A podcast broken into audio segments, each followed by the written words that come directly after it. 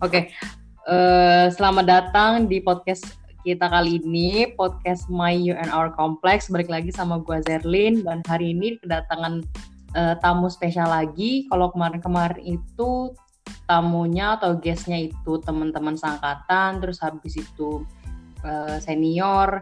Nah kalau sekarang gantian nih, gue mau uh, mengospek salah satu junior dari teknik industri juga. Uh, silakan guestnya perkenalkan nama, umur dan uh, motivasi melakukan kejahatannya apa. Halo, selamat siang teman-teman atau pagi atau sore kapan pun kalian dengar. Nama aku Franz Kumara, aku juniornya kakak Zerlin. Aku orangnya pemalu dan introvert. Kok langsung dikasih tahu gitu sih kepribadiannya? Motivasi aku ikut kejahatan podcast Kak Zerlin aku dipaksa enggak lah. Tapi aku ingin sharing. Aku mempunyai banyak sekali yang ingin di sharing iya benar-benar benar sangat sangat menarik buat aku Kak Jalin. Luar biasa. Iya benar-benar maksudnya eh, jadi satu tempat lah ya untuk menuangkan apa yang ada dalam pikiran. Nah kenapa gua eh, ngundang lu nih Franz karena gua mikir eh, apa ya kalau menurut gua nih, kalau menurut gua, lu itu termasuk salah satu uh, orang yang deep thinker gitu. Bener apa enggak? Hmm, seseorang yang dinilai oleh orang lain lebih bernilai daripada orang menilai dirinya sendiri, Kak. So I don't know. ya udah. Anggaplah iya lah ya. Lu mah sok-sokan kagak iya. banget sih. Bilang aja kayak iya gitu. Gua selalu pikirin atau lu gue selalu mikirin kayak kenapa alam semesta begini-begini gitu ya Ila itu kalau bengong sih ya benar tapi iya ya itu berarti benar gue kepo gue gampar ya ini kan buat topik Mele biar orang-orang tahu oh, iya, gitu. maksudnya ini harus memvalidasi lu sebagai narasumber gitu loh oh, iya, gimana iya. lu lagi me, mempo, gue lagi mempositioningkan guestnya nih nah oh, iya. oke okay. uh, eh, topiknya sebenarnya uh, bukan topik sih tapi mau nanya sesuatu yang uh, mungkin nanti uh, di akhirnya lu bisa nge-share apa-apa atau ilmu-ilmu yang penting yang lu pelajari dalam hidup tapi gue pertama mau nanya uh, umur hmm. lu tuh sekarang berapa tahun ini Untuk tahun 2021 gue 26 tahun, tapi untuk sekarang gue masih 25 tahun 9 bulan. Oke. Pakai bulan. Oke, 25 tahun. Detail gue. Iya, ya. Terus uh, di umur 25 tahun ini, lu uh, udah sad di umur berapa lu sadar kalau hidup itu berat? Atau dari lahir lu kayak, aduh dunia ini uh, berat nih buat gue jalanin gitu, atau gimana? Hmm, sebenarnya pas gue lahir kalau orang lain pada nangis gue langsung ngeluh aduh ngapain gue gitu. Ini apa sih? gitu gue langsung ngeluh. Kalau orang pada oeng oeng gue langsung apaan sih nih gue langsung marah marah kalau secara kenta gue tahu berat itu ya dari dulu gue cerita dikit kali ya mungkin biar lebih iya iya. nggak apa-apa cerita aja. Kalem kalem jadi cerita gini. Nggak nggak nggak sedih. Jadi uh, yang jelas gue tahu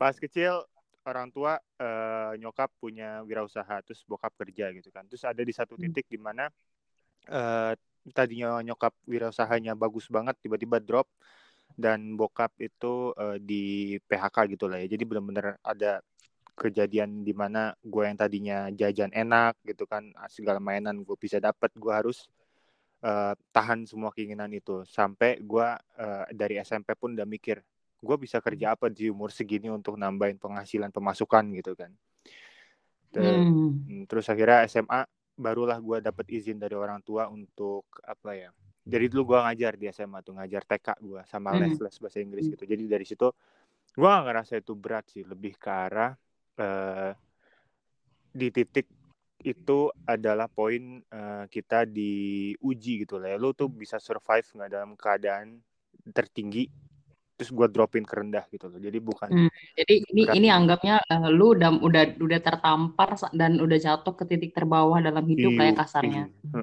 dan kita lagi berusaha striving dan surviving gitulah untuk uh, kembali ke titik awal yang di mana kita kita pengen free lagi lah gitu secara happy lagi lah gitu Mm -mm. Wah ini seru banget nih. Berarti istilahnya kasarnya lu udah uh, akan sudah mendapatkan pelajaran hidup yang nantinya bakalan kita bahas. Nah tapi hmm. uh, di umur lu yang 25 tahun ini, uh, lu sudah merasakan atau udah mikirin nggak uh, kegelisahan lu tuh apa di umur sekarang ini gitu untuk masa depan? Hmm, sebenarnya kalau kegelisahannya yang gue pikirin selama ini adalah uh, jadi gue nggak tahu mungkin teman-teman yang dengerin juga atau mungkin lu juga atau teman-teman yang lain di satu kuliah kita kelas kita uh, di titik umur 20 tahun plus gitu kan. Mungkin 25 tahun orang nyebutnya quarter uh, life crisis lah lah quarter life crisis. Oh, benar-benar. Betul. Dan itu orang mikirnya kadang-kadang di poin itu pun 25 tahun gue nggak tahu gue mau apa. Jadi di poin itu kayak jadi uh -uh bener-bener sama kayak ya sebenarnya gue juga sih waktu itu. Maksudnya hmm. ya kita sama-sama mencari jati diri lah. Lo tuh apa? Lo tuh kenapa diciptakan kayak gitu-gitu gak sih? True true. Jadi di poin yang bahkan udah 25 tahun kan makanya itu dibilang krisis kenapa dibilang krisis? Menurut gue adalah krisis kepribadian dan mentalitas seseorang di mana dia mikir gue tuh mau jadi apa sih? Umur gue udah segini gitu loh.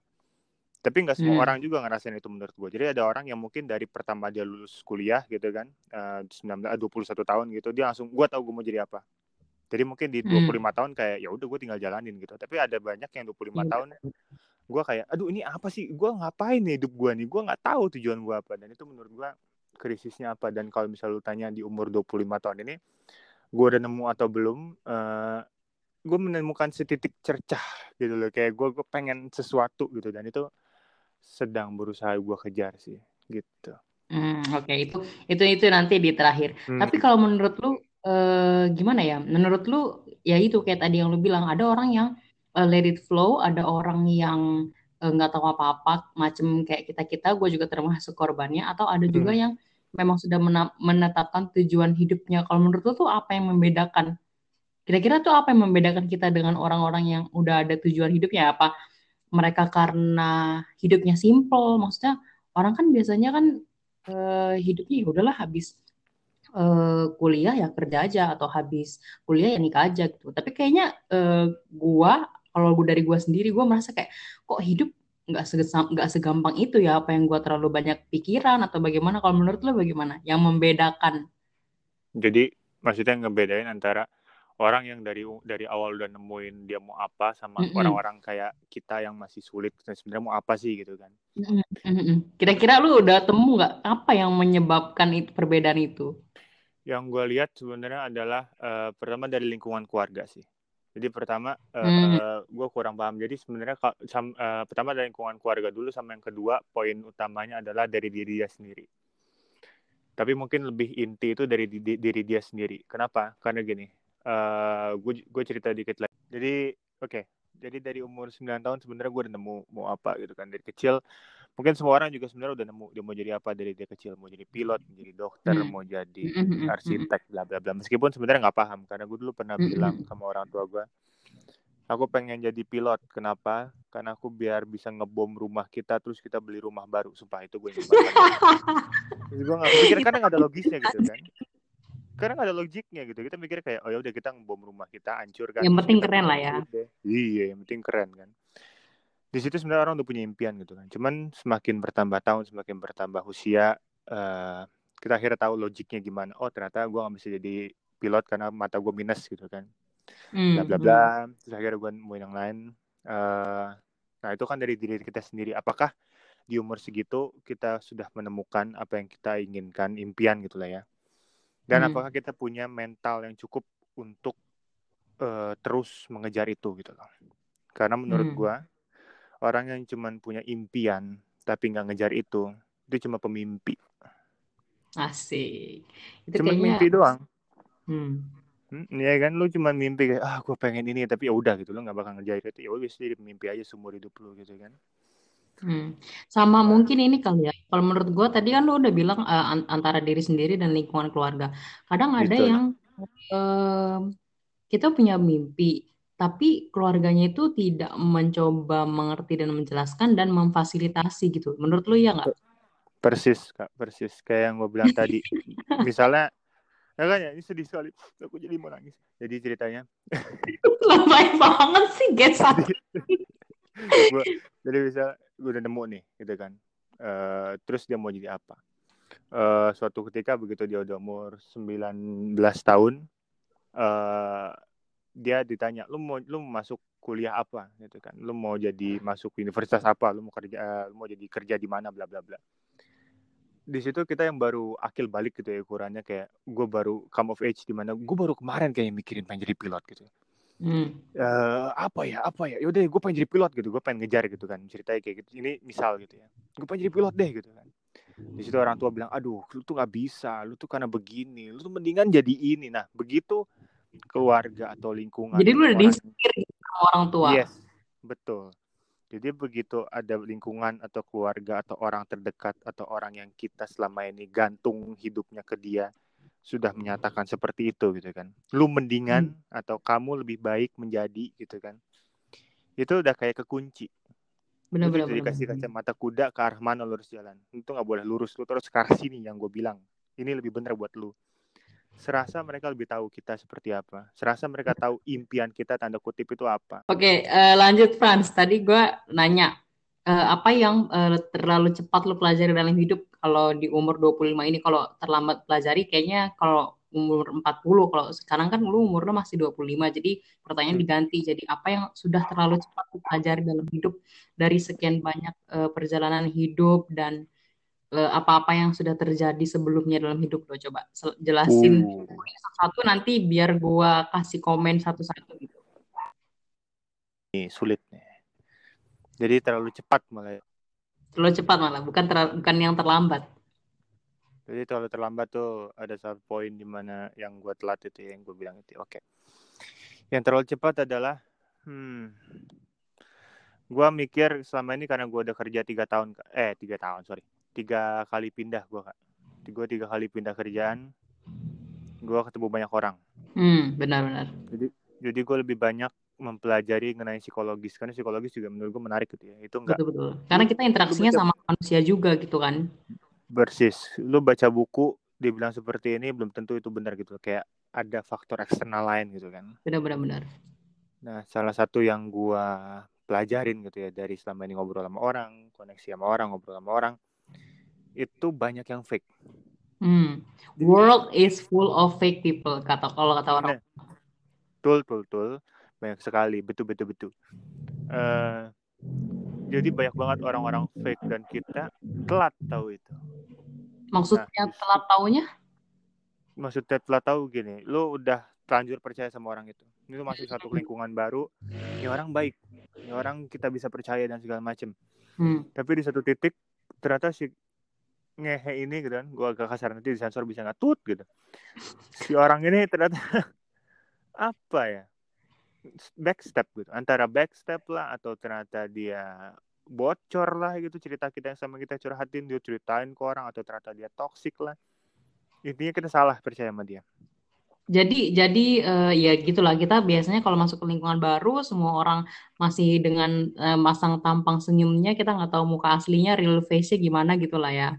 Tapi true, true, ya true. maksudnya balik lagi ketika aksi dan bersosialisasi mereka semua dan lu termasuk lu juga punya kepentingan lain yang lebih besar daripada itu. Apalagi kalau gini biasanya kalau lu terlihat punya kemampuan yang lebih dibandingkan orang-orang yang lama itu biasanya mereka ke trigger kayak mau mempertahankan posisinya mereka gitu supaya tidak diambil sama orang baru. Nah kalau terus terus uh, apa uh, dengan dengan banyaknya orang yang fake uh, di lingkungan sekitaran kita, menurut lu tuh gimana cara membedakan antara yang fake dan yang uh, pure gitu dan yang tulus gitu sama lu? Hmm, hmm, hmm. Benar. Jadi kalau lu bilang tadi dia punya kepentingan masing-masing sama kita punya kepentingan masing-masing, itu benar. Tapi jujur dari diri gue sendiri itu gue orangnya naif. Jadi gue anggap semua orang tuh equal gitu. Kayak ya hmm. udah hmm. lu eh, lu nggak suzon lah ya. Nggak suzon dari awal benar kayak ini orang baik ini orang baik meskipun dia orangnya agak nyelnek apa nyelek gitu kan gue tetap temenan gitu loh. Karena gue gak hmm. peduli gitu gue temenan sama semua orang gitu kan. I don't care gitu dan gue naif gitu. Nah tapi karena gue yang gue bilang tadi tiga kali gue pindah kerja terus kadang-kadang kalau ke tempat baru kan pasti ada lingkungan A yang ngomongin si B lingkungan B yang ngomongin si C bla bla bla dan segala macam dan gue tuh gue coba tarik lah ya cerita-cerita dari semua lingkungan itu dan akhirnya gue menemukan satu cara setelah gue nonton satu series dan itu menurut gue sangat berguna dan ternyata terbukti berguna itu keren sih. Hmm, Jadi coba jelaskan. Mungkin kalian tahu betul kalau kalian tahu satu series uh, yang kurang terkenal lah ya judulnya Game of Thrones itu nggak terkenal sih filmnya. Uh, ya itu itu nggak terkenal. Uh, dia ada satu scene di mana Tyrion Lannister gitu ya. Jadi si itu dia uh, baru naik gitu baru naik jadi uh, advisor gitu kan terus hmm. dia punya tiga orang mata-mata gitu kan terus dia kayak mau ngetes nih satu-satu uh, siapa sih yang benar-benar loyal sama gue siapa yang bakal bocorin cerita gue okay, akhirnya okay. dia ngeceritain si A cerita yang A si B cerita yang B si C cerita yang C jadi dia pengen tahu cerita mana yang bocor ke raja gitu kan ke ratunya gitu kan. Benar benar benar. Nah, dan akhirnya ketemu lah si C ini bocor gitu. Akhirnya dia tahu siapa yang nggak bisa dia percaya. Nah gue pernah pakai cara itu di kantor gue yang sekarang dan kebukti gitu. Dan dia satu orang ini kayak gue cuma cerita ke dia gini. Uh, gue pengen jadi gue sebenarnya tuh kurang cocok rasanya gini gini gini. Dan itu pada saat gue masih probation hmm. gini gini gue ngerasa apa ya kalau memang gue nggak diterima ya udahlah gue ngerasa aduh pasrah deh gitu. Ya, uh, begitu gue habis cerita sama dia ternyata begitu di akhir uh, evaluasi gue sama manajer dia kan bukan manajer dia koordinator. Uh, dia si manajer gue bilang ya gue tahu lu ngerasa nggak cocok bla bla bla bla bla bla. Dan tuh kata-kata yang gue sebutin ke orang ini gitu benar benar benar. Dan gue langsung kayak heh gitu. Gue tahu lu masih diomongin gitu. terus akhirnya begitu gue udah lama berapa setahunan lebih gitu terus uh, ngobrol lagi sama teman-teman yang selain dari yang cerita gue ceritain tadi itu yang A sama B lah ya yang bisa gue hmm. percaya. Hmm. dia bilang cuy lu tahu nggak lu cerita ke si C terus dibocorin tahu ke si gini gini terus gue bilang gue tahu bro gitu kan. Gue aku gue nggak bilang gue nggak bilang gue kayak gue juga cerita sama lu biar gue tes gitu. Gue nggak bilang cuman iya gue tahu sih soalnya gini gini gini ya ya udahlah yang penting kita tahu gitu kan. Gue bilang kayak gitu aja ke temen gue iya makanya lu hati-hati cerita sama dia. Iya nih aduh ya ampun gue takut bocor padahal dalam hati gue gue udah tahu siapa yang bocor siapa yang enggak coy. Tapi jadi lu intinya kasarnya ngadu domba ng ngetes siang ngadu domba ya? Maksudnya lo nge-share satu informasi biar ngecek mana yang bocor. Tapi uh, pas lu di uh, interview terakhir sama manajer itu gosip itu nggak mempengaruhi hasil performance tuh di kantor berarti Enggak, karena yang gue cerita itu lebih ke arah personal life yang nggak terjadi sebenarnya ngerti maksud gue Hmm. Jadi misalnya gue cerita soal, iya gue sebenarnya punya hanya kabar burung. Iya kepribadian ganda gitu lah. Apa gue bilang apa lah gitu gue cerita meskipun tuh nggak terjadi gitu kan. Terus kalau, oh manajer gue bilang kamu punya kepribadian ganda sebenarnya nggak masalah gitu. Oh si hati sih, eh ini ceritain gue punya kepribadian ganda gitu. ya, kayak gitu. Meskipun itu nggak benar gitu. Polar. Dan gue tinggal cerita sebenarnya itu nggak benar sih. Itu cuma cerita doang. Gue cuma ngerasa gitu apa. Gue tinggal bikin cerita ngasal lagi lah yang mana pun yang bocor itu jadi gue udah bikin hmm. plan B-nya terhadap cerita mana yang bocor itu sebenarnya jadi gue ada ya, istilahnya gue udah nge-planning lah uh, untuk biar cerita tersebut tidak mempengaruhi gue jadi teman-teman kalau misalnya yang pada mau nyoba pakai cerita itu jangan lu beneran ceritain hal yang terlalu pribadi yang lu nggak mau itu bocor sama aja bohong. Berarti lu ngebocorin aib lu sendiri. Lebih betul, ke arah betul, betul. lu ceritain hal yang simple yang normal aja kayak gue sebenarnya suka masak gue kalau nggak diterima di sini gue mau sekolah masak aja deh jadi chef gitu. Itu kan sebenarnya kalau orang tahu pun nggak nggak nggak masalah gitu kan. Gitu gitu aja yang lu ceritain gitu. Jadi begitu itu bocor kayak gue tahu lu sebenarnya pengen jadi chef bukan kerja di sini gitu. Ya ya udah tuh sowat gitu loh. Cuma oh, cerita okay. cerita doang gitu kan. Iya, gitu. iya benar-benar Nah, itu. Jadi e, caranya tuh gitu ya, e, listener sekalian kalau mau ngetes mana orang yang fake, mana orang yang pure. Oke, next ke poin selanjutnya silakan. Franz, lu mau ngomong apa? Hmm. Pelajaran gua, hidup selanjutnya. Pelajaran hidup yang agak terlambat gue pelajari adalah uh, mental pain itu terkadang suka underrated karena banyak itu banget ini, ini terlambat dipelajari nih, bukan terlalu cepat dipelajari. Hmm, karena terlalu terlambat. Jadi uh, gue termasuknya lebih karena terlambat sih belajar. Karena hmm, hmm. Uh, gini banyak banget kehidupan sekarang kita sosial media ya. Banyak banget orang yang nge-share banyak yang share yang bagus-bagus banyak yang nge-share-nya jelek-jelek. Nah banyak banget yang nge-share zaman sekarang nih. Kayak dia tuh suicidal thoughts gitu.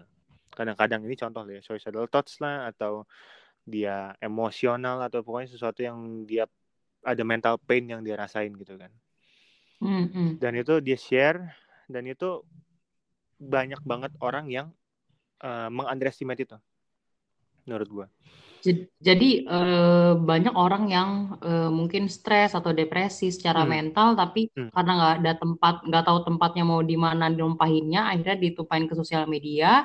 Tapi hmm. orang-orang di sekitarnya malah menganggap itu kayak pansi lu gitu.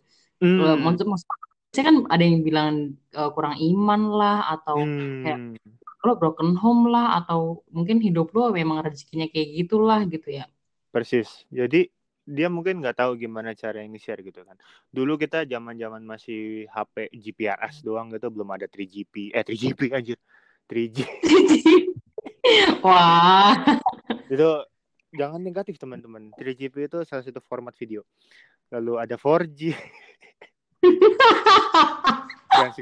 Aduh ini harus gua kata apa enggak? Kalian harus kalian harus berpikir positif teman-teman. 3GP adalah satu format video. Itu banyak video-video bagus ya 3GP kita bisa melihat video ya udahlah.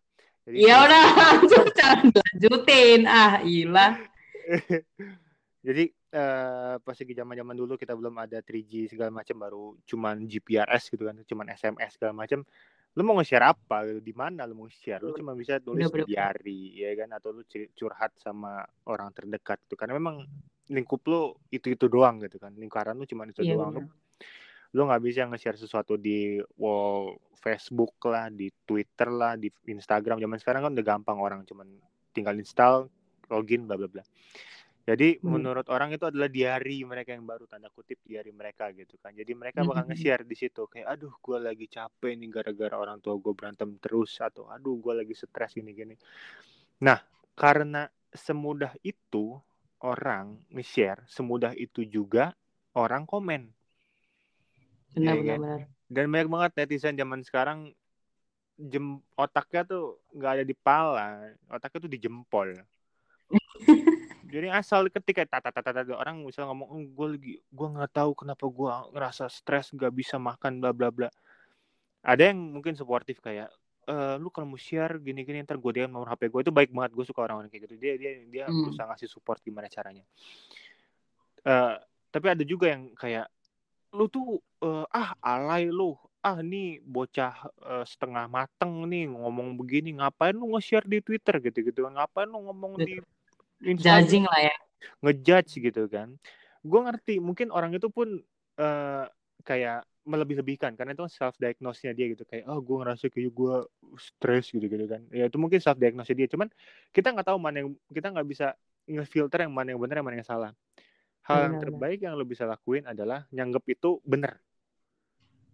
Karena hmm. dengan itu benar kalau misalnya coba mengerti orang itu lah ya. Betul. Jadi kalau jadi kalau misalnya ada orang yang nge-share tentang mental illnessnya dia atau kesulitan dia. Maksudnya kayak stress thoughts-nya dia. Bahkan ada yang mungkin dia bikin suicidal notes loh. Kadang-kadang tuh orang segitunya loh. Dia bikin suicidal notes di mana kayak gue udah capek hidup gitu. Cuman kayak gitu doang kadang-kadang. Cuman kalimatnya cuma dua satu step gitu doang. Dan itu orang-orang kayak ah alay lu. Ah apa sih? Gitu gitu kan. Meskipun itu nggak bener atau cuman pemikiran asalnya dia di momen tersebut hal terbaik yang netizen gitu ya kalian semua listener baik yang luar biasa bisa lakukan adalah tread lightly. Anggap itu benar. Gue tahu itu mungkin lebih ke arah mungkin orang pada bilang ngasih panggung nih ini jadi terkenal nih gara-gara cuman dia nulis kalimat gitu doang. Bodoh amat yang penting nih orang hidup gitu. Menurut gue hmm. gitu ya. Lu kalau mau save life do it apa ya simply aja sekedar dengan lu nggak ngejudge iya. Tread lightly gue bilang tadi kan. Lu asal nggak usah ngejudge gitu. Meskipun memang itu dia cuman fake asal ngomong biar caper anggap aja itu benar gitu loh. Karena ini udah uh, menyangkut nyawanya dia gitu. Kita nggak bisa nge-diagnose dia pun dia juga gitu kan. Karena dia ada entah di mana nge-tweet dia di mana atau dia nge-tweetnya udah di leher ada tali kan kita nggak tahu cuma nunggu iya dong dia tinggal nunggu reply gitu kayak gue pengen tahu iya, reply orang pertama tuh apa eh, karena kemarin sempat banyak yang lakuin Facebook Live buat uh, suicide gitu kan aduh gila yes, itu serem banget betul Lo tau gak ada cerita yang dulu di Instagram tuh dia bikin vote Instagram apa Twitter gue lupa. Dia dia bikin vote gue bunuh diri nggak ya? Yes atau no? Dia yesnya banyak. Dia beneran bunuh diri. Anak kecil dari mana gitu? Gue lupa. Ada anak kecil. Ada anak 17 tahun apa? Wah gila gila gila. Ada beritanya waktu itu. Dan itu gue mikir kayak, nah ini nih, ini salah satu contoh netizen-netizen ngehe ya kan yang asal aja gitu. Kayak ah ini orang caper yes aja mati mati nggak lu beneran mati nggak lu mati beneran hmm. ternyata kan. Malah ditantangin. Iya dan orang-orang yang mencet yes nih gue nggak tahu ngerasa bersalah apa cuman hahaha ternyata mati gitu kan. Ya, orang kayak gitu tuh yang tidak pantas memamah biak. Nah, berarti nah jadi menurut lu apa nih sikap yang uh, underrated di society sekarang ini? Apa yang uh, kita tuh kehilangan di society jam atau zaman zaman sosial media yang uh, gampang banget nge-share gitu. Apakah kita kurang attitude, apakah kita kurang hmm. empati? Menurut lo uh, apa yang harus dibenarkan gitu dari society sekarang ini? Hmm. Dengan seiring berti, apa uh, berkembangnya sosial media gitu, dengan society kita yang sekarang sudah bergantung sepenuhnya dengan sosial media, Benar. Kayak sekarang juga kan masa-masa COVID semua orang Zoom, terus kita podcast gini kan. Kita podcast pun biasa orang ketemu gitu tapi ini kan via rumah masing-masing benar-benar terus uh, WhatsApp line segala macam video call udah gampang itu yang hilang dari society adalah kemanusiaan justru secara garis besar jadi contohnya uh, kayak misal lu zaman dulu begitu belum ada handphone belum lu nggak ada Twitter lu nggak ada Instagram lu nggak ada tempat buat komentarin orang di satu platform. Begitu orang itu ada yang berbuat salah gitu misalnya dia ngomong nyenye gitu nyenye nyenye terus menurut lu itu alay gitu kan. Lu harus lu nyamperin dia langsung gitu. Lu ngomong di depan mukanya dia lu bi gitu nggak? Bacot lu gitu. Dan lu bisa ngeliat langsung ekspresi mukanya dia. Dia sedih atau dia marah atau dia hmm. nangis gitu kan di situ kemanusiaan tergelitik gitu. Langsung lu bilang kayak antara lu ngerasa sedih juga antara lu ngerasa kasihan entah lu ikutan marah gitu kan. Lu langsung berasa di tempat gitu. Kemanusiaan lu bergerak gitu kan. Dan lu mungkin kalau misalnya lu ngerasa bersalah atau sedih karena lu ngatain dia lu bisa stop di situ. Tapi kalau misalnya sekarang ada platform gitu. Lu nggak ngeliat orangnya langsung. Orang ini ngomongin sesuatu nye nye nye. Terus lu komen eh bacot lu alay gitu lu nggak ngeliat dia sedih kayak dia nangis kayak dia ketawa kayak lu kemanusiaan lu ya udah gitu stuck aja gitu diem kayak ya gue nggak tahu ini dia siapa dia di mana mukanya kayak gimana apa sekarang dia sedih baca komen gue gue nggak peduli gitu kan. Lu bisa nge-tweet atau nge-reply orang itu sambil lu berak gitu kan dan lu nggak tahu dia lagi ngapain gitu lu nggak peduli gitu. Tapi kalau misalnya lu zaman dulu lu bisa ketemu orangnya langsung lu bisa ngerespon terhadap apa yang dia tunjukin ke lu gitu. Jadi yang hilang dari uh, society zaman sekarang adalah sifat kemanusiaan mereka kemampuan mereka untuk memanusiakan manusia lain itu hilang total menurut gue uh, jadi apa yang kurang adalah kemanusiaan dan kalau menurut gua adalah uh, ini ada relasinya dengan uh, cara kita berkomunikasi dan bersosialisasi. Kayaknya kita tuh kurang mempelajari hmm. etika deh. Maksudnya apa yang harus kita ucapkan ketika orang ini hmm. uh, lagi begini, lagi begitu, kayak uh, etikanya tuh nggak ada gitu loh. Apa apakah ini hmm. harus masuk ke pelajaran di sekolah atau bagaimana gue juga nggak paham nih untuk memperbaiki society. Hmm. Karena selama ini yang lu pelajarin di sekolah itu sudah terbentuk itu, Benar -benar. itu doang gitu ya udah negara nggak belajar etika ya dulu tapi ya gitu sih simpel doang hmm. sih Ya, yeah. Pancasila adalah dasar negara itu doang tau gitu lu pelajarin Pancasila sampai enam tahun. Gitu. ya itu mungkin salah satu apa ya apa yang harus diimprove kali ya. Semoga uh, Pak Menteri Pendidikan ini, Mas Menteri ini harus mengupgrade sistem pendidikan kita sih. Betul, harus begitu. Kalau enggak ya terusnya kayak gitu terus etikanya. Generasi kita gitu bener sih kata lo etika karakternya orang itu tuh nggak kebentuk. Ya wes lu belajar gue gak mau tahu. Yang harus lu pelajarin matematika bahasa Inggris bahasa Indonesia IPA gitu, -gitu. Ya, udah gue gak peduli etika lu. Etika lu lu pelajarin sendiri lu cari tahu sendiri. Kayak sistem pendidikan kita ini sebenarnya nggak bakalan ngaruh efeknya dari uh, pendidikan ini. Karena ya gitu maksudnya apalagi orang Asia yang tipikalnya competition is everywhere belum lagi gengsi orang tuanya hmm. bikin kita mikirnya ya cuma nilai aja bukan ilmu yang beneran kita dapat itu sangat-sangat relevan sekali dengan gue sampai bingung karena kemarin itu kan gue ada uh, teman traveler dari uh, Swedia dia bilang gue uh, habis ikut les bahasa Cina nih. Terus gue bilang, wah gila keren banget lu di umur segini belajar bahasa belajar belajar bahasa Cina, padahal lu baru lahiran gitu gue bilang. Terus dia bilang, sebenarnya hmm. gue uh, kemarin gue udah tes uh, level 2 kalau nggak salah. Dan gue tuh dapat nilai C, padahal sebelumnya gue dapat nilai D. Dan itu dia tuh seneng banget. Terus gue ini langsung ya, loh kok dia seneng ya? kok kalau gue kayak gitu malah malah kayak aduh gimana nih kalau nilai gue aja sama dia nggak bakalan lulus nggak bakalan bagus maksudnya pemikirannya itu udah beda gitu loh dia dapat nilai C sama dapat nilai D itu menurut dia tuh hal wajar dan itu adalah pencapaian yang bagus sementara gue ngelihat nilai C ngeliat nilai D aja udah stres sendiri kayak mampus lah ini kalau ketahuan orang tua gue kayak gimana kan biasanya kayak gitu kayak eh ya gitulah hmm. karakternya mungkin ini akan berpengaruh uh, ketika kita menjadi dewasa nanti dan bersosialisasi seberpengaruh itu. Orang-orang banyak kan ngeliat hasil kak. Jadi kalau dari yang lu bilang tadi, D ke C menurut dia itu sesuatu yang bagus karena dia lihat nilai dia sebelumnya D, sekarang gue dapet C, which is mungkin nextnya bakal B. Bener, gitu bener, kan. bener.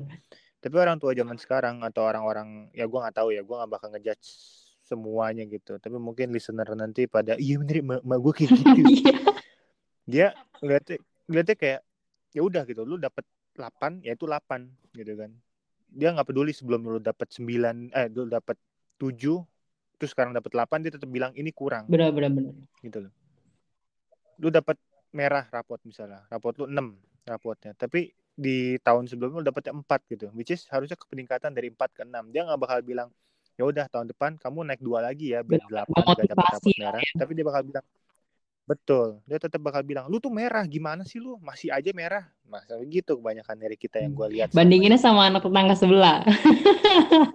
wow, itu sering. Dia bisa, kenapa kita enggak? Dia makan nasi. Ya, ya what? Aduh, gila, gila, gila. Ini seru banget. Terus, oke lanjut ke uh, poin selanjutnya, Frans. Apa yang mau lu share pelajaran Jadi, tentang hidup lu? Jadi kalau tadi pertanyaannya masih ke arah uh, apa, apa yang, yang buat terlambat pelajari kali. Ya. Jadi kalau tadi itu ada dua mengenai apa yang gue uh, lihat secara society hmm. gitu ya. Jadi kita yang pertama gue bilang gimana sih caranya bedain orang fake sama enggak, terus gimana caranya kita untuk uh, tread lightly gitu ya terhadap mentalitas seseorang? Karena kita nggak tahu apa yang mereka share itu uh, apakah benar-benar yang akan terjadi sama mereka. Maksudnya kayak kita baiknya uh, mikirkan juga lah gimana pemikiran mereka gitu. Apakah mereka benar ngerasain pain tersebut coba untuk mengerti lah ya karena kita selama ini secara sosial uh, secara kita ini zaman sekarang kurang memanusiakan manusia lah gitu. Nggak nggak peduli lah et, uh, etika kita attitude kita sama orang lain tuh sangat kurang. Nah yang ketiga ini lebih ke arah uh, objektif kak yang tadi gue ngomongin. Kita hmm. punya impian gitu kan. Jadi kalau kita punya impian, kita tuh pengen jadi sukses biasanya. Ya, jadi secara objektif kita uh, gimana cara kita untuk menggapai impian tersebut. Jadi yang gue telat pelajari dari selama ini itu uh, gimana cara kita menggapai impian atau apa yang ingin kita cap uh, ingin kita dapatkan. Uh, menurut gue kesuksesan atau uh, objektif atau impian kita kesuksesan lah ya gue bilang mm -hmm. kesuksesan itu born of arrogance. Kesuksesan itu kita dapatkan karena arogansi. Hmm, Oke. Okay. Tapi kehebatan, ya, greatness itu comes from humility. Kehebatan itu uh, muncul dari lo bersikap tenang dan lapang dada, humble, dari lo rendah atau ilmu padi. Benar-benar. Gitu. Jadi menurut gue kesuksesan itu karena lu arogan. Jadi justru orang-orang sukses yang tanda kutip gitu ya, sukses. Dia kayak gue pengen ngejar kesuksesan. Itu karena dia arogan. Hmm. Tapi kalau orang-orang hebat gitu ya, orang-orang yang kita nggak perlu tahu atau dia nggak perlu bikin nggak perlu share. bicara atau dia nggak perlu banyak ngomong nggak perlu nge-share gimana gue tuh sukses karena begini gitu. Nggak perlu dia begitu. Itu karena dia memang humble. Benar-benar dan memang itu yang orang-orang salah nilai menurut gue selama ini. Jadi jadi jadi kesuksesan itu dan uh, kehebatan itu adalah dua hal yang berbeda. Kalau sukses itu lebih ke ambisi kali ya. Hmm. Kalau dan banyak kan hmm. yang kita tahu adalah uh, the real orang-orang sukses itu ya orangnya ya biasa aja, rendah hati. Gue kalau gue hmm. gini, kalau gue mikirnya adalah uh, ketik kalau misalkan dia itu sukses, eh dia itu sukses kalau menurut gue dia masuk ke uh, top billionaire uh, di dunia kayak misalkan Bill Gates Warren Buffett, terus hmm. uh, Mark Zuckerberg, terus uh, siapa lagi ya? Uh, yang punya Amazon itu siapa kok gue lupa? Uh, uh, uh, Tatang Sutarman. Bukan, seriusan yang punya Amazon, kok gue lupa naik tuh. Itu tuh kalau gue baca karakternya, bahkan uh, kemarin kalau gue kan karena punya buku uh, auto eh enggak buku biografinya si Warren Buffett itu tuh ya ampun kayak hmm dia itu dari dari kecil itu orang tuanya itu suka main tangan terus mau hmm. terus tapi dia masih uh, positif gimana ya menjalani hidupnya ngelak, ngelakuin bisnis dia nabung dari kecil kayak terus uh, mertuanya itu uh, depresi punya penyakit mental kayak ancur banget kasar hmm. kalau dibilang ancur tuh nggak ada nggak ada apa ya nggak ada masa depan kasar kalau kita lihat tuh. Tapi ya bu, mungkin gara-gara itu jadinya dia sukses tapi dia juga rendah hati bahwa dia belajar ada satu hal lain yang lebih penting daripada uh, kesuksesan ataupun uang yang biasa diincar sama orang-orang. Kalau menurut gue sih kayak gitu sih. Jadi benar sih. Jadi menurut gue gini, kalau itu kan gue udah bilang kalau sukses itu uh, terbentuk dari arogansi, dari ego. Gue pengen sukses dan segala macem. Jadi dia udah egonya dia untuk jadi sukses paham maksud gue jadi kayak hmm, gue harus sukses gitu gue harus gue keras uh, kepala gue gitu kasarnya. keras kepalanya gitu. Gimana caranya gue harus sukses gitu? Gue mm, gitu keras gitu kan. Sedangkan ada orang yang memang punya tujuan hidup gitu kayak yang tadi gue bilang di awal impian gitu kan. Hmm. tapi dia let it flow eh, nggak uh, nggak ngerasa gerusu gitu kan nggak yang egonya dia tahan gitu kan. Pokoknya dia kayak oh oke okay, berarti gue harus begini nextnya begini. Pikirannya lebih clear gitu which is berarti dia akan jadi orang yang lebih sukses daripada orang yang memang pengen jadi sukses paham maksud gue hmm. kayak jadi, uh, dia dia itu dapat wisdom kali ya orang-orang yang sudah dapat wisdom gitu. Hmm dapat wisdom dan dia memang uh, apa yang jalaninnya tuh nggak gerasa gerusu gitu loh kak. Jadi kan kalau kita sama ini kerja juga kita secara gampangnya nih kita sama ini kerja. Terus kita pengen kerjaan kita kelar gitu. Ada yang dua tipe orang kerja. Satu yang benar-benar kayak gerasa gerusu gitu. Gue pengen cepat gue gak mau tahu gimana cara yang penting gue kumpulin gitu kan. Nggak usah kerja dia ulangan. Lo lagi ulangan di kelas. Ada dua tipe. Satu yang dua-duanya sama-sama pintar deh kita hitung kayak gitu. Waktu kerjain satu jam nah yang si murid pertama di Gerasa Guru pokoknya gue ngumpulin sebelum 30 menit gue bakal meningkatkan nama baik gue di depan guru bahwa gue bisa ngerjain cuma 15 betul, menit. hanya demi pengakuan? Demi pengakuan kan. Gue pengen diakuin gue sukses bahwa gue pinter. 15 menit dia kelarin chat kumpulin. Yang satu lagi yang sama-sama pinternya ya gue nggak bilang dia ya, satu belajar pun gitu lah. Yang kedua dia benar-benar make waktu satu jam itu. Dia kayak benar satu-satu meskipun di soal itu terlalu mudah atau sangat gampang menurut dia dia akan hitung dengan detail. Planning kan dengan baik gitu kan. Begitu udah satu jam waktunya oke okay, satu jam saat gue ngumpulin. Dia tetap ngumpulin tepat di waktunya gitu jadi just in time. Nah mungkin nilainya bakal sama gitu. Si murid A yang ngumpulin lebih cepat dia dapat pengakuan wah dia pinter ya dia lebih cepat wah dia hebat banget. Tapi yang murid B ya udah gitu kan. Lo emang ngumpulinnya pas gitu just in time gitu dan nilai lu sama berdua gitu kan.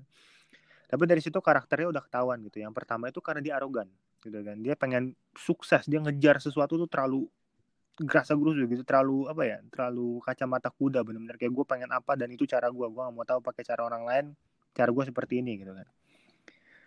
Tapi kalau yang kedua murid yang kedua dia benar-benar let it flow let it go let kayak frozen gue uh, pelan-pelan gitu kan aja nusu-nusu gitu kan pelan-pelan sampai dia dapetin uh, tujuan dia gitu makanya dia hum being humble gitu lah ya tenang menghanyutkan kan sama ini kita pernah dengar tuh Benar-benar. Justru malah itu yang menunjukkan kekuatan aslinya ya. Betul, betul, betul. Gua jadi jadi lu mau kenapa apa? Gue gak pernah ngeliat tuh orang-orang yang kayak apa ya? Kayak ya lu pernah ngeliat gak sih fotonya si siapa sih Facebook Mark Zuckerberg ya? Hmm. Dia bikin acara apa uh, baby shower ya? Apa sih? Eh, bukan baby shower. Apa gender reveal. Apa nih tuh? yang itu ya kalau di US tuh kalau misalnya abis ngecek kelamin bayinya cewek apa cowok ntar dia ada ah ini warnanya biru cowok warnanya pink cewek gitu nggak sih Hmm, gak tahu. Ya udah lanjut terus. Kenapa? Gitu. Jadi dia ngundang teman-temannya teman-teman dikit. Terus uh, tahu nggak partinya tuh cuma di rumah. Terus ngerekam videonya kayak pakai cuman cam recorder apa sih? Hmm. Aduh, cuman dulu. Ya, pokoknya yang murahan lah gitu, bukan bener-bener tempat mewah gitu di luar terus banyak orang yang diundang orang-orang terkenal enggak gitu jadi kayak dan kita tahu tapi si Mark Zuckerberg itu siapa gitu kan dia tuh orang sukses hmm. dia tuh orang yang punya Facebook dia orang yang punya Instagram gitu kan punya WhatsApp punya WhatsApp apa yang lo suwe banget anak-anaknya punya punya tiga sosial media sekaligus. Anak-anaknya punya tiga sosial media terus nggak usah diomongin apa langsung uh, inilah pokoknya gitu gitu. Jadi dia dia dia humble banget gitu. Gue pernah lihat videonya dia bikin acara gender reveal itu ya baby shower lah ya apalah itu namanya. Uh, dalam rumah cuman ngundang teman-temannya doang gitu kayak biasa. Terus ngomongnya juga biasa aja gitu pelan-pelan gitu kayak nggak nggak nggak yang kayak oke okay, semuanya ini kayak kayak orang kayak orang biasa aja gitu loh. Kita lagi mau ngumpul kumpul kumpul buka puasa lah ya. Iya kayak mau buka puasa ya kayak mau bukber aja gitu nyantai gitu. Tapi kan tapi kita tahu kalau dia orang sukses. Tapi ada juga beberapa orang yang kita bahkan gak kenal namanya tapi cocotnya itu loh wet gantenan gitu kan kayak apa baik diomongin kayak kita harus ini gak bisa jangan dengarkan kata orang minta saya bisa sukses seperti ini karena ini ayo semua kita ikut ke Paris bla bla bla apalah itu serang hidupnya mereka arogan gitu iya benar-benar Oke, jadi uh, sukses sama kehebatan itu berbeda ya guys. Maksudnya itu menentukan kualitas diri seseorang tuh ya bisa dilihat dari karakternya dia itulah pokoknya. Yuk, yuk. Lu mau jadi orang sukses apa mau jadi orang hebat, Frans? Gue mau jadi orang biasa-biasa aja. Udah pasti sukses, tapi kalau sukses belum tentu hebat ya? Hmm. hmm. Yang tadi, gue lupa kalimatnya gimana. Oke, lanjut ke ke poin selanjutnya. Dan yang poin selanjutnya sih yang udah bilang tadi di awal sih. Uh, kalau lu punya impian, lu punya kewajiban untuk menjadikan impian itu kenyataan.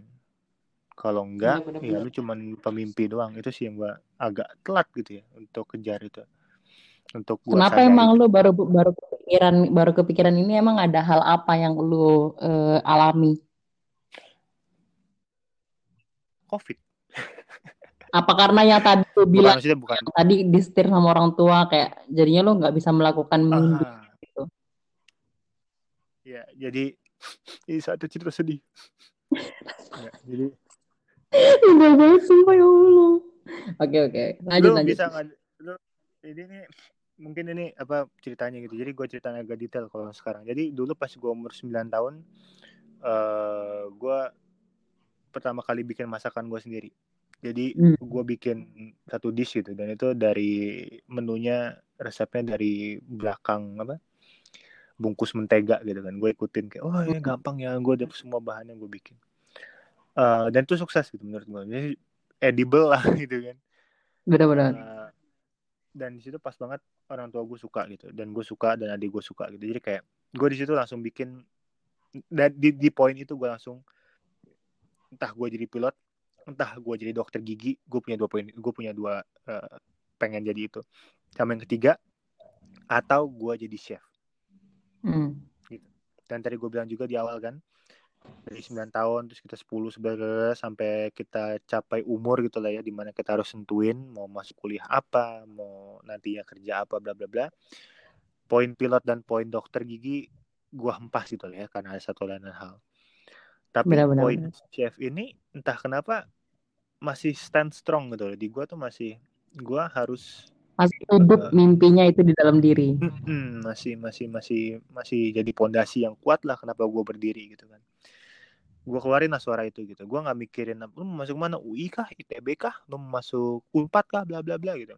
Semua orang nanyain kayak gitu kan. Dan gue cuma bilang gue mau sekolah perhotelan.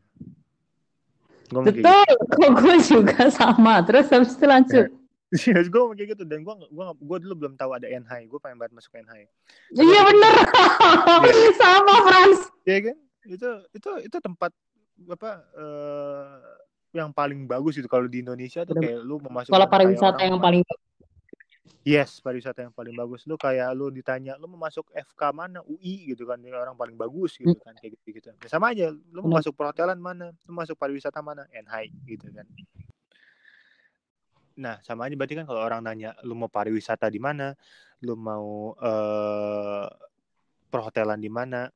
NH itu jawabannya gitu kan.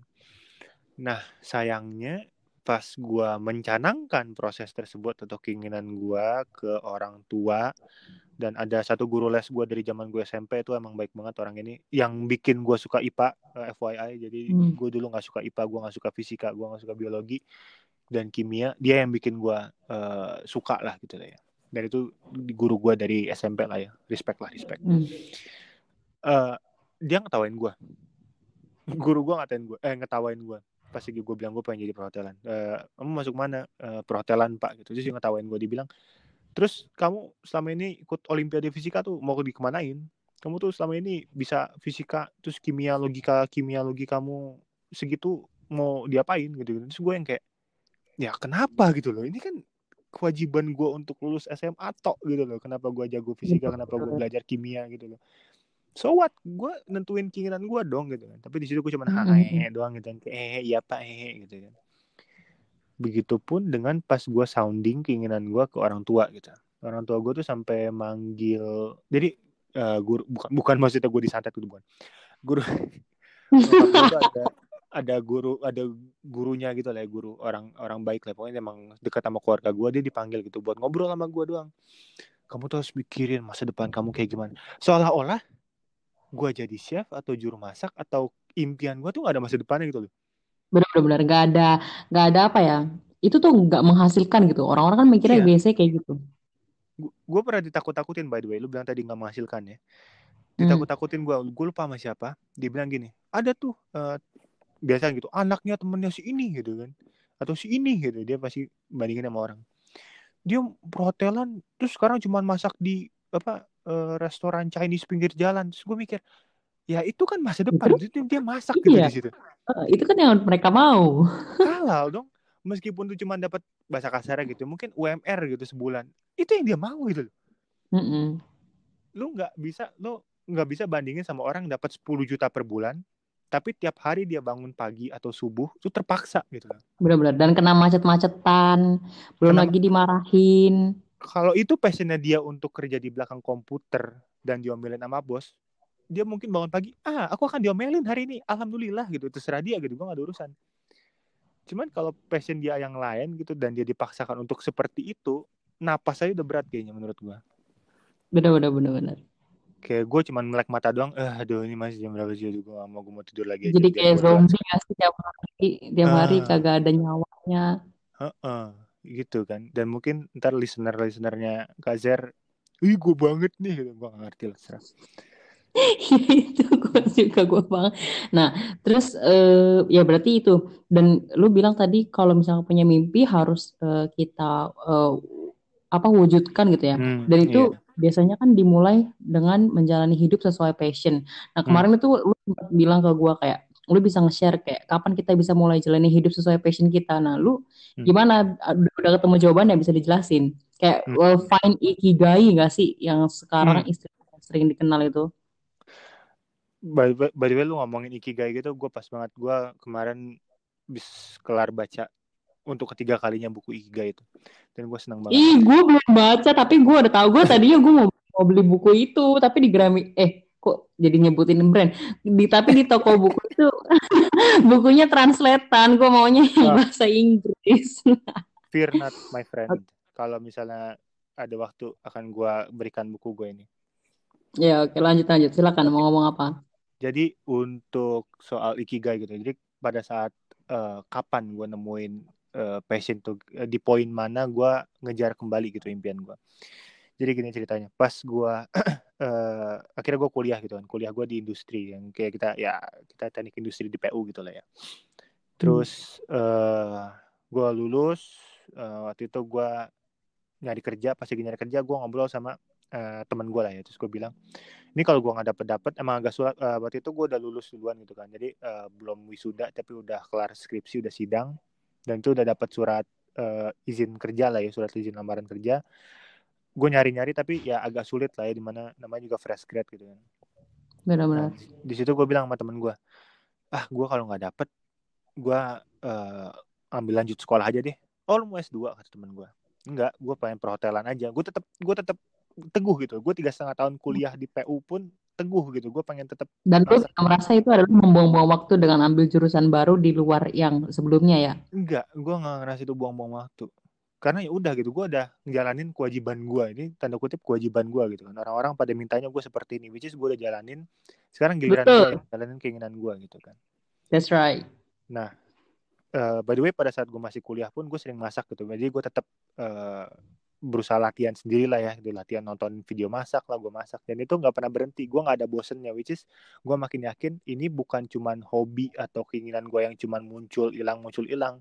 Ini adalah keinginan gue yang memang harus gue wujudin titik gitu kan. Nah pas dia bilang gitu ya udah gue mikir kayak ya udahlah gue nyari kerja dulu. Ntar siapa tau gue nabung terus gue kuliah pakai duit gue sendiri di NHI bla bla bla. Uh, akhirnya gue kerja terus ya itu gue pindah karena kurang nyaman terus gue pindah lagi. Sekarang di kerjaan gue yang ketiga gitu. Gue pindah kantor uh, dua kali sorry bukan tiga kali. Ini kantor gue yang ketiga.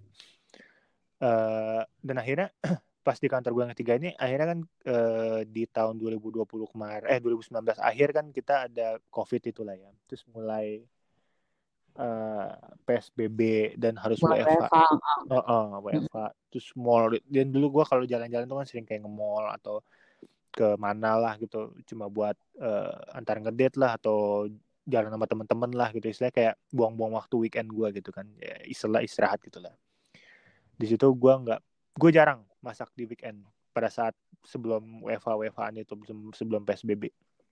Nah pada saat PSBB inilah gue mulai kayak coba gue pengen mengeksplorasi gitu kan. Gue cuma pengen latihan lagi ah gitu, masak lagi ah gitu kan. Dan akhirnya di situlah gue langsung masak uh, pertama dari hidangan Nusantara gitu kan. Gue gue pengen ah gue kayaknya bikin, enak nih bikin ayam rica-rica atau ayam wok. Tapi dari situ juga karena mereka antusias itu kayak oh enak ya gitu ya kan akhirnya gue coba bikin uh, dish dari protein lain gitu kan kayak ikan beef gitu gitu kan uh, akhirnya terus gue coba mempelajari kayak dish dari Eropa dari Prancis gitu kan karena Prancis kan memang surganya banget kan benar-benar terus kalau untuk dish-dish yang simple mungkin lo pernah ke Jepang ya. uh, lo bisa korek ya mereka tuh makanan yang simple tapi kaya flavor. Benar benar benar. Bahan-bahannya itu simple. Hmm, jadi betul. Kayak ya udah kalau Jepang tuh mirin dashi kombu stok selesai gitu. Kayak benar, udah benar. Gitu, lu punya Miso, itu. dashi cuma gitu-gitu doang. Miso, dashi gitu kan. Yang penting itu jadi satu gimana cara lu untuk menampilkan itu uh, dan itu enak untuk dimakan. Benar. Nah, gue mempelajari itu. Gue benar uh, mengeksplor gitu. Kadang-kadang gue malah saking gilanya mengkombinasikan gitu antara dis Padang sama dis Prancis lu sebodoh itu gue segila itu. Jadi kayak rata tuh ya. iya kayak rata tuh gue gue gue plak kayak gue gue keluarin semua kayak kayaknya enak nih gue bikin ah nggak enak gitu ya udah gue trial and error gitu dan ini adalah uh, titik di mana gue merasa mulai lagi muncul lagi lah gitu kayak apa gue udahan gitu ya dengan kehidupan gue yang entah berantah gitu kan. Akhirnya pas bulan apa ya Maret atau Mei tahun lalu itu gue mulai jualan ya karena temen gue banyak yang nanyain kayak lu jual nggak sini gue pengen dong nyobain gitu kan. Oke okay. so itu uh, waktu apa uh, mulai membuka bisnis lah ya. Iya akhirnya gue membuka bisnis. Oke okay, teman-teman listener ada bisnis aku ya ya nanti nanti tuh di akhir aja promonya udah kayak gitu. Udah uh, gue bisnis itu. Dan gue iseng pas lagi ada pembukaan uh, waktu itu daftar ikut Master Chef season 7 gue minta tolong temen gue untuk videoin gitu kan. Eh gimana videonya cuman pelatih kok. Lalala gitu kan. Jadi akhirnya gue coba uh, karena gue memang orangnya bukan banci kamera jadi gue agak gugup gitu kayak uh, halo juri dan teman-teman selamat siang gitu gitu lah gue nggak paham dan situ gue udah pesimis gitu kan kayak ya udahlah nating tulus gitu kan. Gue cuma bikin video upload titik gitu kan. Ternyata gue dapat callback. Gue dipanggil ke MNC untuk uh, audisi masak live waktu itu. Uh, di MasterChef? Di MasterChef Indonesia season 7 kemarin. Uh, okay. cuman mm, itu gue masak on cam gitu. Jadi kayak gue bener on kamera gitu kan. Terus gue nggak ngerti gue harus kayak gimana. Kayak gue, gue baru pertama kali gue harus masak terus liatin orang gitu. Kayak orang-orang pada ngeliatin gitu. Kayak gue apa sih ini? Gue lu bayangin dia lu lagi di atas minyak lu lagi lagi ngolah gitu lagi masak gitu. Terus ada kamera yang ngezoom ke dalam ke ke wajah lu. Terus gue yang kayak mas saya mau masak gitu. Gue ngomong kayak gitu coba. Mas maaf gitu. Dia ke zoom coy. Gue kayak mas mas maaf saya lagi mau ngaduk gitu. Oh iya mas maaf gitu. Kayak ini apa sih? Gue ya sih udah kan. Uh, tapi gue uh, sampai di situ doang abis itu gue di interview terakhirnya gitu kan. Nah tapi gue cuman stuck sampai di situ. Jadi gue nggak dipanggil yang suruh masak depan tiga juri itu gue nggak. Jadi gue nggak kalau kalian nyari gue lu yang mana sih? Gitu. Gue nggak ada di kamera teman-teman. Jadi cuman, jadi berarti seleksi awal lah ya berarti. Uh, uh, seleksi awal baru filter pertama gitu. Nah uh, dengan dua kejadian itu gitu dengan gue buka bisnis dan banyak yang beli dan gue dipanggil master chef meskipun cuma seleksi pertama kayak kayak makin strong gitu keinginan gue gitu loh kayak makin apa ini ya? Apa ini gue ditunjukin ya? Gitu kan kayak apa gue mulai ya, bener, bener. dari sini? Gitu kan apa ini stepping stone gue tuh udah jadi? Gitu gue tinggal jalanin gitu. Uh, ya gue sadar sih memang kemampuan belum cukup lah ya untuk benar-benar jadi profesional chef gitu dan segala macam gitu atau betul. sekedar gue cuma sekedar home cook lah gitu meskipun orang-orang pada benar, benar, gitu. tapi uh, kayak yang gue bilang tadi gue gue uh, nonton banyak video gitu kan video masak dan chef yang paling gue suka itu uh, ada namanya Marco Pierre White mm. yaitu gurunya Gordon Ramsay by the way. Boh Coba tolong nanti diinfo ya, gue biar gue lihat videonya. Oh, gua gua kasih link ya dan teman-teman kalau bisa cek di YouTube ya Marco Pierre White ya, dia keren banget. Jadi uh, dia pokoknya eh, chef Inggris pertama yang dapat three star in Michelin. Jadi lu tahu mungkin hmm. tahu Michelin tuh itu tapi dia chef British pertama. Jadi dia uh, pindah-pindah hotel, pindah-pindah restoran dan dia akhirnya dapat uh, three star in Michelin dan termuda kalau nggak salah kalau nggak salah gue lupa. Nah, uh, salah satu poin yang pernah dia bilang dan menjadi motivasi gue untuk masak adalah yang tadi gue bilang sebenarnya. Jadi kata-kata yang gue bilang, uh, if you have a dream, uh, you have to pursue it gitu lah ya. Atau enggak, or else you're hmm. just a dreamer. Kalau punya impian, lo harus kejar bener, atau enggak lo cuma pemimpi. Itu kata-kata dia. Itu adalah motivasi hidup gue. Jadi kayak, oh benar juga nih gitu. Ternyata memang selama ini benar gitu. Jadi uh, apa namanya kalau misalkan mimpi lu nggak diwujudkan ya orang lain yang akan me me mengisi hidup lu dengan mimpinya dia gitu bukan iya, mimpi gitu lu ya. Kayak gue living someone else's dream gitu loh. Mungkin benar benar dan gua. tapi tapi uh, lu kalau untuk menjadi ya itu yang lu bilang tadi kan uh, untuk memulai semua melepaskan semuanya pun juga nggak mudah karena mau jadi restorator itu kan lu harus belajar bisnis hmm. manajemennya. Kalau maksudnya Eh, nggak cuma jago masak aja jago masak ya oke okay. tapi untuk bertahan selanjutnya ya itu butuh banyak ilmu lagi kan bener banget makanya itu harus uh, kayak Nah itu sebenarnya ada 50-50 juga sebenarnya kan sama ini kita mikir apakah gue harus ninggalin my old life gitu kan ya istilahnya gue restart semuanya gitu. Oke, okay. ya uh, berarti gue langsung ke kesimpulan aja ya. Jadi berarti Franz tuh mau bilang bahwa kayak ketika hmm. lo punya mimpi ya lo harus wujudin itu gitu. Kalau enggak ya lo akan jadi cuma jadi pemimpi doang Betul. gitu. Bukan laskar pemimpi ya. laskar pemimpi itu adalah uh, pemimpi yang bisa mewujudkan ininya kan si ini siapa udah namanya itu udah lupa kan. Dan uh, kalau bisa find your ikigai then find find, find your ikigai. Nah terus uh, lu ada uh, yang mau hmm, disampaikan lagi nggak poin selanjutnya atau udah cukup sampai sini aja bagaimana? Poinnya cukup sih apa yang buat misal lu tanya berarti, pertanyaan yang di awal Oke, okay, berarti uh, gue coba simpulkan lagi dari awal. Jadi um, menurut Frans adalah uh, society ini banyak yang uh, fake people nih dan lu bisa sebenarnya bisa cari bisa milih-milih dan bisa cari hmm. tahu mana orang yang fake dan pure dengan cara yang tadi Franz sudah kasih tahu di awal. Terus um, mental pain itu yep. uh, selalu underrated ya di society ini dan kayaknya uh, pelajaran buat society hmm. kita uh, untuk gimana caranya me, apa ya memberikan satu sikap atau satu attitude atau satu respon yang uh, baik gitu. Jangan cuma judging doang gitu lah ya hmm. ke sama orang-orang yang terkena mental Betul. pain ini. Terus yang ketiga adalah success is born out of arrogance, but greatness is out of humility. Jadi antara sukses dan kehebatan itu adalah satu hal yang berbeda. Dan itu kayaknya nggak semua orang sih ya dapat, masa hmm. Nggak semua orang bisa dapat dua-duanya gitu. Kalau greatness ya itu hanya sekitar orang dan biasanya kan dia nggak ini ya, nggak muncul di publik gak sih biasanya? nggak terlalu sombong lah, nggak nyombongin diri gitu Dan yang poin yang terakhir adalah ketika Anda punya mimpi, Anda harus uh, menggapai mimpi itu atau enggak, kalian akan menjadi another dreamer. Oke. Okay.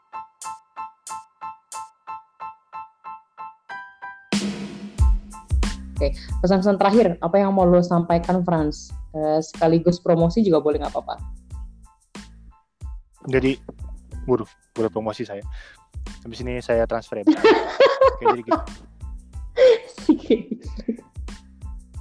buru nanti buat, nanti keburu uh, disconnect lagi nih oh ya benar jadi untuk yang pertama uh, satu kata lagi dari satu kalimat lagi yang jadi uh, way of life ya way of life yang dari Marco itu dia dia pernah bilang gini uh, keep things simple. Hmm. Gitu. Jadi kalau kalau dia itu lebih ke arah masak karena dia bilang uh, nature is the true artist and we are just the cook. Gitu. Jadi kalau lu punya memasak sesuatu jangan terlalu di-complicated dicacah habis sampai jadi dadu terus apalah lu blender jadi satu. Tapi lu keep it simple gitu. Kayak lu biarkan nature itu menampakkan dirinya di piring gitu ya, kalau kalau secara masakan. Back to basic. Tapi kalau secara live uh -uh, tapi kalau secara live menurut gua ya tadi lu bilang itu kak back to basic gitu. Keep it simple gitu. Life is supposed to be simple gitu. Jangan lo over complicate things gitu. Orang-orang sering overthinking sebelum tidur. Mungkin itu bagus buat diet cuman tidak bagus untuk mental gitu. gue kayaknya banyak tapi tapi tetap malah makin gemuk deh karena lu nyemil masih mikir itu masalahnya. Jangan nyemil. Overthinking bengong aja gitu stres itu. Orang kagak makan bisa. Gitu sih kalimat terakhirnya. Sama untuk promosi yang tadi gue bilang bisnis yang gue jalanin itu bisa kalian cek di Instagram. Okay. at food f uh, f. Spellingnya spellingnya. Uh, harus pakai kalimat yang gitu ya. Foxtrot Washington oval oval delta underscore ID ID jadi food FWOOD underscore ID itu di Instagram kalian bisa cek. Atau di Instagram gue Franz Kumaras. Dan kalian udah ada di Grab dan GoFood ye. Itu itu itu uh, ruangan lingkupnya antarnya sampai mana?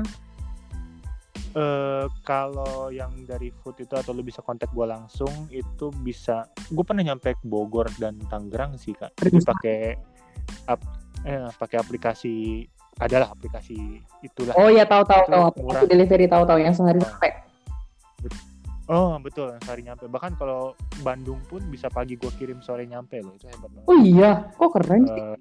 Uh, uh, makanya dan itu gue sering pakai makanya orang-orang dari Bandung pun yang bahasa kasar ya Bandung itu kota kuliner beli ke gua gitu juga kayak ah happy banget ya Allah lebay lebay satu chef ini jadi listener kalian listeners kalian bisa membeli dari saya.